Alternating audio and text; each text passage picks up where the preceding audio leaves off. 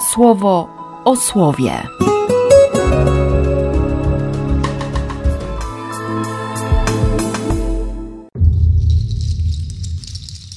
10 lipca, sobota. Z Księgi Rodzaju. Ci wszyscy byli synami Jakuba i tak właśnie powiedział im ich ojciec, błogosławiąc ich. Każdego pobłogosławił odrębnym błogosławieństwem. Wyrzekł do nich takie słowa: Ja mam dołączyć do mojego nieżyjącego już pokolenia. Pochowajcie mnie przy moich przodkach w pieczarze, która się znajduje na polu Chetyty Efrona, w tej podwójnej pieczarze przy polach Mamrego w krainie Kanaan. Te pieczary nabył Abraham od Chetyty Efrona z okazji zakupu miejsca na grobowiec. Pochowali tam Abrahama i Sarę, jego żonę. Tam pogrzebali również Izaaka i Rebekę, jego żonę. A ja złożyłem tam Leę po wcześniejszym nabyciu pola i znajdującej się na nim pieczary od synów Heta.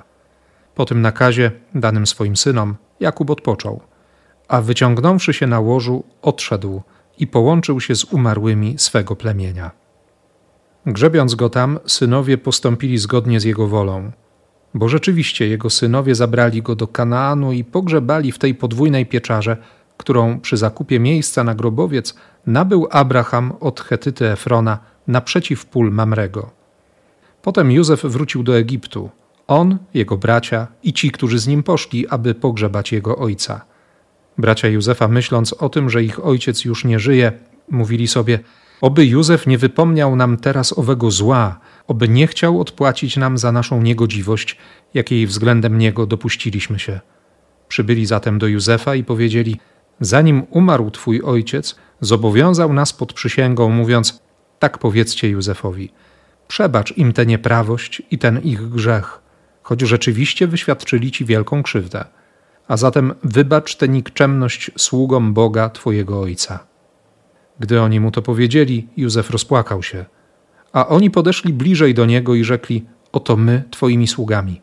Józef odezwał się do nich: Nie bójcie się, przecież i ja należę do Boga. Wy uradziliście, co złe było dla mnie. Bóg natomiast postanowił w związku ze mną to, co jest dobre, aby stało się to, co dzieje się dzisiaj, aby uformował się wielki naród. I znowu rzekł im: Nie bójcie się, ja będę utrzymywał was i wasze rodziny. Uspokajał ich i przemawiał do nich serdecznie. I w Egipcie mieszkał zarówno sam Józef, jak również jego bracia i cały ród jego ojca. Żył Józef 110 lat, a dane było Józefowi zobaczyć potomstwo Efraima aż do trzeciego pokolenia. Także synowie Makira, syna Manassesa, urodzili się na kolanach Józefa. Józef rzekł swoim braciom – ja już umrę.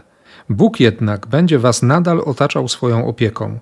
Bóg was wyprowadzi z tego kraju do ziemi, którą przysiągł naszym przodkom Abrahamowi, Izaakowi i Jakubowi. Józef zaprzysiągł potomków Izraela takimi słowami: W czasie, w którym nawiedzi was Bóg, macie stąd wynieść ze sobą moje kości. I umarł Józef, mając 110 lat. Pogrzebano go w Egipcie, umieszczając jego ciało w sarkofagu. Z Ewangelii według świętego Mateusza. Uczeń nie jest ponad nauczycielem, ani sługa nad swym panem. Wystarczy uczniowi, by się stał jak jego nauczyciel, a sługa jak jego pan. Jeśli gospodarza nazwali Belzebubem, to o ile bardziej należących do jego domu. Jednak nie bójcie się ich nic bowiem, co zasłonięte, nie pozostanie nieodkryte, a tajne nie pozostanie nieznane. Co wam mówię w ciemności, powiedzcie to w świetle, a co słyszycie na ucho, z dachów głosem Herolda ogłoście. I nie bójcie się tych, którzy zabijają ciało, a duszy zabić nie mogą. Bójcie się raczej tego, który i duszę, i ciało może zgubić w piekle. Czyż nie sprzedaje się dwóch wróbli za asa? a z nich ani jeden nie spadnie na ziemię bez zgody waszego ojca. I nawet wszystkie wasze włosy na głowie są policzone. Więc się nie bójcie. Wy jesteście więcej warci niż wiele wróbli. Do każdego, kto przyzna się do mnie przed ludźmi, przyznam się i ja przed moim Ojcem, który jest w niebie. A każdego, kto mnie się wyprze przed ludźmi, wyprę się i ja przed moim Ojcem, który jest w niebie. Tak mi chodziło od wczoraj już po głowie to, że, że te ostatnie wersy w sumie Księgi Rodzaju próbują przypomnieć to, co było na początku. Zaraz na początku stworzenia, bo Józef naprawdę przebacza swoim braciom. On ma to doświadczenie Boga, który, który jest miłosierny, Boga, który go wyprowadził z każdego możliwego zła. Chociaż Józef wie, pewnie zdał sobie sprawę z tego, że, że część jego życia była takim mocnym doświadczeniem pokuty za grzechy młodości.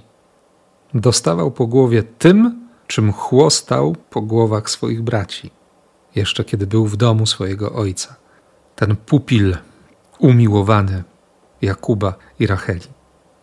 Ale tylko doświadczenie Boga z początku Księgi Rodzaju.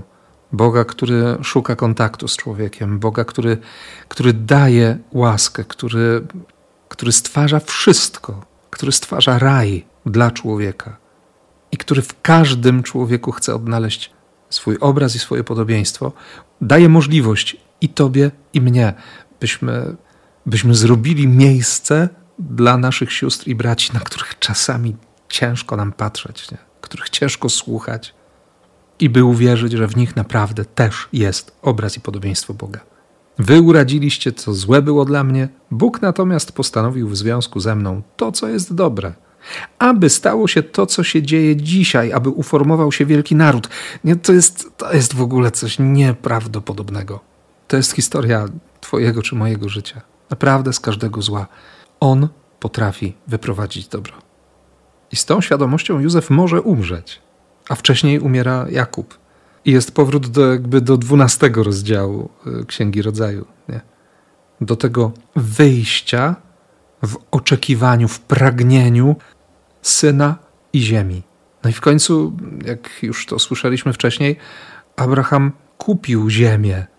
Tam był jego grobowiec, tam był grobowiec Sary, tam pochowano Izaaka, Rebekę, tam Jakub pochował Leę. I teraz, kiedy on już jest w Egipcie, daje polecenie: kiedy umrę, tam mnie połóżcie, tam mnie pochowajcie. Chcę doświadczyć tego, chcę się kolejny raz, już tak na zawsze przekonać, że Bóg jest wierny, że Bóg nie rzuca słów na wiatr.